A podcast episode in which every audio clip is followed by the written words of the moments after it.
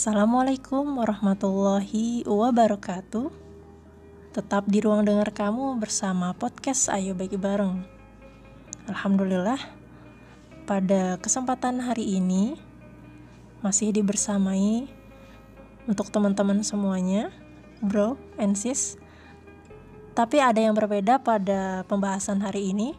Pembahasan hari ini lebih kepada sis, lebih kepada sistur-sistur, ciwi-ciwi kepada para perempuan, wanita muslimah. Ya, jadi ini ada beberapa hal yang saat-saat ini tuh sering ditanyakan, terutama yang ditanyakan ke Mimin ya. Ini perihal tentang wanita, tentang perempuan, tentang ciwi-ciwi.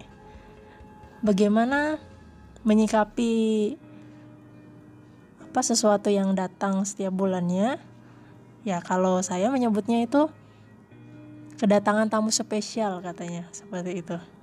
Nah, gimana caranya untuk menghadapi kedatangan tamu spesial ini ketika di tengah pandemi, kemudian di tengah di penghujung terakhir Ramadan ini, bagaimana maksimalkannya? Apalagi ini sudah 10 hari terakhir gitu ya. Apalagi ini sudah memasuki hari ke 27 betul nggak ya hari ke 27 ya gitu jadi ini sering ditanyakan oleh oleh para muslimah oleh cewek-cewek gitu gimana menghadapinya apa yang bisa dilakukan gitu ya jadi perlu difahami ini saya akan memberikan sedikit tips ya tips menghadapi tamu bulanan atau tamu spesial uti-uti villa, sister villa atau ciwi-ciwi ini dengan tetap kalem, dengan tetap santuy, dengan tetap cool, ya tetap tenang maksudnya. Yang pertama itu fahami bahwa hikmah tamu bulanan atau head ini itu dengan benar. Jadi head ini itu adalah sunatullah ya bagi para wanita normal atau perempuan normal, ciwi-ciwi normal ya sebagai kekhasan wanita pada umumnya. Nah, ini tuh menandakan bahwa memang fisik kita itu baik-baik saja. Nah, jadi e, pada saat misalkan nanti kita sudah berkeluarga gitu, ketika sudah hamil, nah itu darah head itu akan menjadi makanan bagi si janin dalam kandungan ibu. Itu yang perlu dipahami. Dan dia juga akan sampai kepada tubuh janin melalui tali pusarnya. Nah, jadi mm, darah itu e, merasuk melalui urat dan menjadikan zat makanan bagi si bayi itu ya. Subhanallah. Jadi harus pahami dulu hikmahnya sister villa, ahwati villa, ciwi-ciwi, solehah dan cantik. Nah, kemudian yang kedua yang perlu difahami jagalah kesehatan fisik gitu ya. Jadi menjaga kesehatan fisik saat head dan nifas itu sangatlah penting karena ia akan menjadikan modal utama kita dalam beraktivitas. Ia akan menjadi penentu apakah kita akan terus produktif dan beraktivitas atau menikmati kemalasan dan ketidakberdayaan selama masa-masa tersebut berlangsung. Maka dari itu, kita perlu memperhatikan kesehatan dengan baik dan seksama, mulai dari asupan makanan, kemudian mengatur perasaan dan pikiran, Kemudian olahraga seminimal mungkin ya sekitar 10 sampai 15 menit tuh kalau yang biasa saya lakukan. Bisa berlari atau berjalan santai mengelilingi e, lapangan seperti itu ya atau halaman rumah ya ini karena belum bisa keluar ya masih physical distancing jadi ya di halaman rumah bisa atau di dalam rumah juga bisa gitu ya jadi keliling seperti itu nah jadi uh, itu yang perlu diperhatikan. Nah, kemudian yang paling penting lagi juga istirahat yang cukup. Istirahat yang cukup itu juga perlu diperhatikan. Jadi sebisa mungkin kalau kita mau mengikuti sunnah Rasulullah SAW itu biasanya sehabis isya itu biasa langsung tidur seperti itu. Jadi uh, tidur lebih awal itu akan membangunkan kita di sepertiga malam. Jadi lebih maksimal dalam beribadah seperti itu. Atau juga kalau mau memaksimalkan masalah istirahat ini ketika di 10 hari terakhir ini ya ketika nggak bisa sholat gitu nggak bisa tahajud ya gimana caranya? Jadi kalau misalnya kita ikutin pendoman Rasulullah SAW kita bisa tidur siang atau bisa disebut dengan koilullah nah tidur siang ini bisa sebelum duhur atau sesudah duhur. Ya sebentar saja. Sebetulnya ketika kita tidur sebentar sekitar berapa 10 menit ya atau lima menit gitu kayak cuman tidur yang set terus tiba-tiba terbangun lagi. Nah itu udah lumayan tuh. Itu udah termasuk koilullah seperti itu. Jadi meskipun sedikit tuh lumayan untuk menyegarkan kembali energi kita. Kan apalagi ketika siang itu pembakaran uh, semua tubuh itu tuh be, semua organ tubuh sorry. Jadi semua organ tubuh itu bekerja maksimal di siang hari. Ya sehingga itulah menyebabkan kita lebih kekurangan energi. Jadi seperti lebih lemas gitu apalagi yang uh, tidak puasa, yang yang puasa juga sama seperti itu, apalagi yang tidak puasa, maksudnya seperti itu ya. Kok kewale-wale. gitu ya. Jadi uh, begitu Sister Villa, Awati Villa. Jaga kesehatan fisik kita. Jadi istirahat yang cukup, Kemudian juga jangan lupa konsumsi buah, kemudian juga bisa suplemen, suplemen tambahan seperti vitamin. Namun lebih disarankan atau lebih baik itu dari produk-produk e, makanan yang memang fresh, yang alami. Ya bisa jeruk, kemudian bisa pisang, vitamin-vitamin C ya lebih diutamakan karena itu juga meningkatkan stamina lebih besar lagi seperti itu bahkan kalau misalnya dari ahli gizi itu uh, disarankan bahkan uh, satu harinya minimal sekitar kalau cewek ya sekitar 70 mg kalau tidak salah. 50 sampai 70 mg itu kalau tidak salah ya. Afan nih kalau misalnya ada yang gizi kalau misalnya salah ya kadarnya seperti itu. Dan itu bisa didapatkan sekitar dari dua butir jeruk. Dua butir jeruk atau pisang gitu. Pisang sekitar dua atau tiga. Itu yang pisang gadis yang kecil. Kalau misalnya pisang yang uh, cukup besar nah itu bisa satu cukup seperti itu nah kemudian yang selanjutnya itu perbanyak mengingat Allah dengan wirid kemudian bisa dengan zikir terutama mentadaburi Al-Quran nah jadi masa-masa spesial ini itu umumnya identik dengan masa vakum aktivitas ya. Atau kalau misalnya saya itu menyebutnya dengan bahasa panasin mesin. Itu panasin mesin bagi wanita. Nah, jadi kalau kata orang-orang tuh malah ngeblank. Ya, ngeblank. Jadi aktivitas ngeblank seperti itu. Jadi ketika kekosongan ibadah biasanya itu mendorong pada pikiran yang kosong juga maka wanita head itu bisa kok membaca Al-Quran um, dan mentadaburinya itu disarankan bisa menyimak ya menyimak murotal kemudian kita melihatnya di uh, Al-Quran Android di HP kita atau bisa juga membaca terjemahannya. Jadi tidak harus menyentuh mushafnya. Itu yang saya yakini. Tapi kalau misalnya sister villa ciwi-ciwi ada dalil yang tidak boleh gitu tidak tidak seperti itu misalnya sama sekali benar-benar tidak bisa membaca Al-Quran ataupun menyimak gitu ya. Bukan membaca ya menyimak. Kalau membaca itu memang tidak boleh. Jadi menyimaknya itu ya tafadol ya. Nah ada ikhtilaf di situ. Jadi kita ambil pendapat yang paling yakin untuk diri kita seperti itu. Jadi kalau ada ikhtilaf itu bisa ikhtilaf itu adalah perbedaan ya perbedaan pendapat. Jadi kita bisa ambil salah satu yang tidak meragukan. Nah kemudian apalagi sekarang itu ada ponsel atau Android yang sangat praktis yang bisa kita manfaatkan ya. Jadi bisa dibuka kapan pun atau di mana pun. Misalkan kita sedang merasa gabut ya gaji buta. Tapi bukan gaji buta sih. E, kita merasa nih duh ngapain lagi ya? Duh bosen nih kayak gitu. Jadi kita bisa melakukan aktivitas yang ya di luar konteks persosmedan jadi kita bisa buka HP kita buka Quran Android itu. Uh, kalau misalnya saran sih kan itu sering ya HP itu sering kita buka ya. Duh nanti ada notif. Buka dikit-dikit ditengok eh ada notif lagi.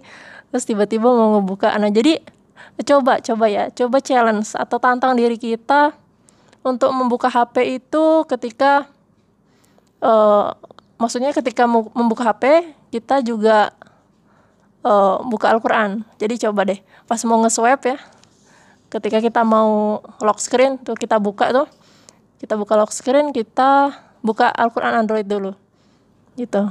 Paling enggak satu ayat sudah. Jadi tiap kita mau buka lock screen tuh kita buka HP ya ini apa namanya mau nggak mau kita buka Quran dulu. Nah coba challenge seperti itu itu sangat efektif sekali. Jadi sadar nggak sadar nih Sister Villa ketika kita seperti itu kita sudah melakukan satu kebaikan. Dan itu jadi challenge sendiri ya. Jadi challenge atau tantangan sesuatu yang bisa jadi kebiasaan atau habits itu bisa dilakukan ketika berulang-ulang dilakukan. Nah itu uh, studi menyebutkan sekitar 41 hari itu minimal ya.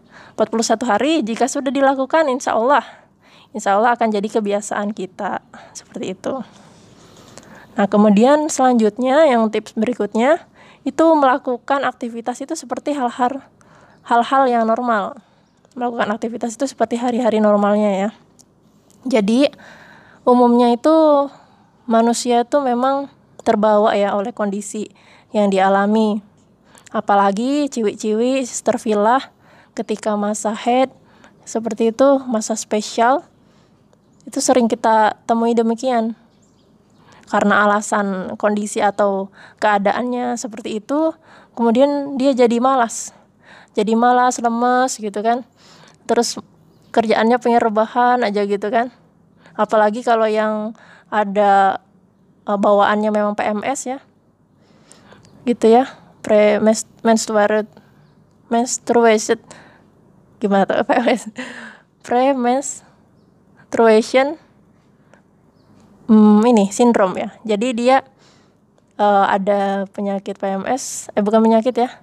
Itu ada gejala PMS dan dia merasa sangat kesakitan gitu kan, menahan. Jadi membuat tubuh dia tuh sadar nggak sadar dia pengennya rebahan, dia pengennya istirahat seperti itu tanpa melakukan aktivitas apa pun. Nah, jadi seminimal mungkin meskipun kita misalnya ada yang kena PMS, kita merasa sakit itu lemah otot otot-otot kita juga sakit. Nah, paling tidak kita melakukan aktivitas juga. Namun ya, jangan berat-berat seperti itu. Ya kalau misalnya diminta orang tua kita, misalkan ibu gitu ya. Nah, bantuin ibu jemur pakaian gitu. Ya udah kita bantu aja gitu kan. Itu bukan sesuatu yang memberatkan, bukan? Seperti itu. Atau misalkan mencuci piring, bantuin masak, ya tetap kita kerjakan. Namun jika memang tidak bisa kita tahan lagi gitu ya misalkan benar-benar sakit ya sudah berarti kita bisa tetap istirahat. Namun jangan lupakan zikir sehingga semua apa anggota tubuh kita itu ikut melakukan kebaikan dengan aktivitas berzikir meskipun yaitu tadi rebahan. Jadi bisa diganti dengan zikir. Masya Allah ya. Seperti itu nah kemudian juga kadang juga sampai pada titik tertentu tuh bener-bener bikin males. Bikin males bangun gitu kan. Kemudian males makan males belajar atau males melakukan aktivitas rumah gitu ya dan lain sebagainya. Memang sih memang seperti itu. Itu adalah fitrah. Namun jangan terlalu kita ikutin gitu. Fitrah itu jangan terlalu diikutin sehingga kita benar-benar di titik malas itu sendiri. Jadi upayakan selalu untuk selalu bersemangat. Seperti itu ya, Sister Villa. Nah bahkan ya e, berkomunikasi dengan anggota keluarga kita gitu ya, kepada adik kita, kakak kita mungkin, saudara kita, ibu kita, ayah kita, bapak kita ya, ya anggota keluarga. Gitu. Atau bisa juga dengan mungkin tetangga. Ya meskipun aktivitas kita sekarang lagi dibatasi ya. Jadi jangan terlalu dekat-dekat ya. Jaga jarak aman. Nah atau juga bisa kepada teman kita. Gitu. Nah teman kita jadinya bikin males juga nggak sih? Kalau misalnya kita udah bikin udah males duluan biasanya orang yang kita ajak interaksi juga ikutan males. Jadi kalau bisa kita tetap antusias kita tetap ya memperhatikan ya memperhatikan orang seperti itu. Jadi jangan karena bawaan kita sudah males gitu ya jadi bikin orang males juga. Ya jangan seperti itu ya sister Villa. Kalau bisa itu uh, tetap antusias tetap memperhatikan ya. Paling tidak kita mendengarkan saja seperti itu. Nah, itu salah satu tanda adab ya tanda adab dan mencirikan suatu akhlak seperti itu. Nah jadi kalau udah seperti itu gimana? Gawat dong ya kalau udah parah banget sampai bikin orang males tuh nah jadi uh, tetaplah merancang agenda harian. Jadi buat agenda Sister Villa. Nah, mungkin saja e, sebagai saran itu proporsi waktu dan acaranya itu tidak sepadat hari normal. Jadi kalau misalnya udah dapat gitu ya, udah merasa kurang nyaman dengan badan sendiri, nah itu kurangi aktivitas. Jadi proporsinya tidak seperti hari-hari sebelum dapat atau tidak apa tidak terlalu ngoyo lah istilahnya itu ya. Nah yang paling penting itu di hari yang spesial itu itu kita tetap berusaha mengisinya dengan agenda yang terprogram ya seperti itu. Nah kemudian untuk tips selanjutnya hindari sikap suka menyendiri. Jadi e, menyendiri ini itu selain untuk membaca Al-Quran, kemudian baca buku, berzikir, atau melakukan tadabbur Al-Quran dan bertafakur bukanlah termasuk cara yang menguntungkan. Gitu ya. Menyendiri itu dengan cara berarti menyendiri tanpa makna. Jadi kalau misalnya selain itu semua gitu ya, yang tidak mendekatkan kita pada kebaikan itu berarti menyendirinya itu tuh mendiri tanpa menyendiri tanpa makna. Ya, tolong perhatikan itu ya. Nah, jadi cara ini tuh cukup uh, mengandung suatu yang tidak bagus ya bahkan mungkin bisa membahayakan. Ya kenapa ya? Karena Rasulullah SAW itu bersabda dalam hadis riwayat Tirmizi bahwa sebab setan itu lebih senang dengan orang yang menyendiri dan lebih jauh dari orang yang berdua. Seperti itu. Nah, tapi realitasnya banyak wanita yang sedang head atau di masa spesial ini itu tidak stabil emosinya. Bahkan bisa sampai kalau mbak tuh tahu tuh ya ada yang sampai kesurupan kemudian atau kerasukan jin ya. Nah bilah bahkan harus dirukiah seperti itu. Nah semua itu berawal dari kebiasaan menyendiri tanpa sebab ya tanpa sebab yang jelas. Nah maka dari itu oh, hindarilah senang menyendiri dalam keadaan seperti ini ya kita tidak ada alasan yang positif ya jika tidak ada alasan yang positif, jangan menyendiri. Ya, lakukan hal-hal kebaikan ya. Bisa juga sih kalau misalnya hobi sosmedan, ketika buka sosmed gitu, ya kita paling nggak nge-share ya. Nge-share satu dua tentang kajian. Nah, itu misalnya ada orang yang tergerak hatinya, misalnya pas banget nih, kajian yang kita share itu ternyata diikutin sama orang yang uh, lagi pas itu ya. Terus dia ikut kajian itu. Nah itu tuh nanti bisa jadi jariah kita, bisa jadi bekal amal kita, Sister Villa. Uh, ya Allah, masya Allah ya. Bahkan dengan jempol kita bisa jadi kebaikan untuk orang lain. Kan kita tidak tahu juga hikmah itu dikasih Allah dari tangan mana gitu ya. Dari sesuatu apa kita tidak tahu. Jadi selagi itu kebaikan, lakukanlah dengan cara apa pun. Selagi juga tidak melanggar syari, syari, apa, syariah Allah ya. Tidak melanggar batas-batasan normal norma yang ada seperti itu. Nah kemudian untuk step berikutnya untuk tetap tenang ya. Konsultasi segera jika terjadi masalah kepada ahli agama atau dokter jadi harus dikonsultasikan nah terkadang ya masalah yang dialami oleh wanita haid gitu yang lagi masa spesial ini ada kesamaan dengan wanita yang di luar kondisi tersebut. Nah, namun ya, kesamaan itu bukan berarti sama tingkat kesulitannya. Nah, sebagai contoh, pusing ketika head ya, ketika masa spesial. Tentu akan berbeda dengan pusing ketika tidak head. Itu. Demam ketika sedang uh, head gitu ya. Ketika sedang masa spesial tentu tidak tidak sama atau berbeda dengan demam yang dialami oleh wanita yang tidak sedang dalam kondisi head seperti itu.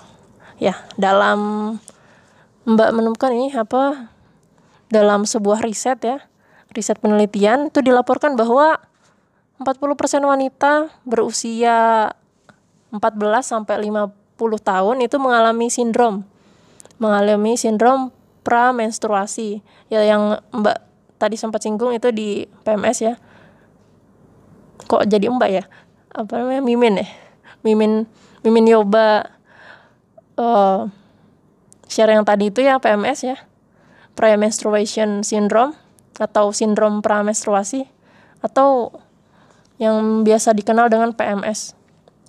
Nah, bahkan ya survei itu menyebutkan ketika tahun 1982 ini benar-benar jadul banget sih. Ini nanti kalau misalnya ada yang update e, referensinya boleh di-share seperti itu. Itu ya jadi survei tahun 1982 di Amerika Serikat menunjukkan bahwa memang PMS ini dialami oleh 50% wanita dengan tingkat sosioekonomi menengah yang datang ke klinik ginekologi. Gitu para ahli agama gitu. Ustadz ustazah asatid ya para gurunda ya kiai tuan guru syekh dan lainnya. Nah itu juga menjadi sumber pengetahuan ya, untuk menyelesaikan masalah-masalah agama. Ya tidak terkecuali masalah yang berkaitan dengan masa-masa spesial ini tentang apa haid gitu ya. Nah, jadi bisa sambil mencari tahu tentang diri kita sendiri juga bisa sambil kajian. Kita bisa sambil menuntut ilmu kepada yang saya sebutkan tadi gitu ya. Masya Allah ya banyak sekali loh kegiatan yang bisa kita lakukan meskipun sedang haid. Kemudian yang terakhir itu tipsnya adalah refreshing ya refresh. Refresh itu penyegaran menyegarkan diri. Jadi refreshing ini bermanfaat untuk menghibur diri kita, menghibur dari keadaan dan situasi yang sangat monoton. Ya, bagaimanapun kebutuhan akan refreshing merupakan suatu yang fitrah ya, yang ada dalam diri manusia. Apalagi ketika di masa spesial gitu ya, di masa hate, di saat banyak orang stres gitu ya, gangguan, kemudian kesulitan dalam beraktivitas, gitu refreshing itu bisa jadi alternatif yang sangat penting. Tidak enak makan ya, eh, tidur kurang nyaman, mau jalan-jalan juga males, apalagi olahraga gitu ya. Nanggepin orang juga ketika ngobrol juga males gitu kan. Bawaannya tuh uh, uring-uringan, selalu seperti itu. Memang fitrahnya memang seperti itu perempuan. Ya, bayangkan ya, jumlah saraf di tubuh kita itu ada sekitar 1,1 miliar sel saraf. Nah, Stres yang dialami oleh wanita saat haid dan nifas secara otomatis akan mengganggu saraf-saraf tersebut, saraf-saraf yang ada itu. Nah, ini juga yang menjadi penyebab sebab wanita haid itu merasa tidak nyaman dan perlu refreshing. Seperti itu, ahwati filah, sister filah, ciwi-ciwi soleha cantik, masya Allah. ya itulah sedikit insight ya sedikit sharing tentang amalan gitu ya, amalan atau hal-hal yang bisa kita lakukan ketika di masa haid, ketika di masa spesial kalau saya menyebutnya. Jadi, kamu lagi ngapa? Lagi spesial seperti itu. Nah, e, untuk lebih banyaknya ya Mbak ini lagi tertarik dengan bukunya Ustazah Nursilaturahma LC. Nah, jadi penerbitnya itu Ziad, Ziad Book. Nah itu ada buku Wonderful Muslimah ya kalau nggak salah Wonderful Muslimah itu dia ada paketannya. Nah, ini bukan endorse ya tapi ini uh, Mbak hanya apa saya itu hanya memberikan saran kalau misalnya ingin membaca tentang lebih detail tentang perempuan ya dan di situ ada paket buku dia itu ada buku satunya tuh kalau nggak salah buku tentang wanita teladan ya tapi mbak lupa judulnya. Terus yang satunya itu uh, amalan dan wirid saat haid nifas dan istihadah gitu. Jadi dia menyebutkan di sana itu ada ada sirohnya juga ada siroh para sahabiah ya para umul mukminin seperti itu. Bagaimana dicontohkan oleh uh, para umul mukminin bagaimana kita itu kan berkaca pada mereka. Itulah trendsetter kita sebagai seorang muslimah ya. Nah kemudian yang kedua itu ada buku yang amalan dan wirid ketika haid nifas dan istihadzah istihadzah jadi itu kumpulan pertanyaan-pertanyaan dari muslimah ya ketika kajiannya Ustazah Nur Silaturahmah. Nah itu jadi ada pertanyaan gimana menjawab menjawab pertanyaan yang kiranya memang sering ditanyakan seperti e, ini gimana ya nentuin puasanya lagi atau atau jangan puasa dulu? Ini mau sholat tapi kok belum sholat dulu nih. Ternyata e, udah di luar siklus gitu kan. Kemudian kok masih dapat masih haid gitu.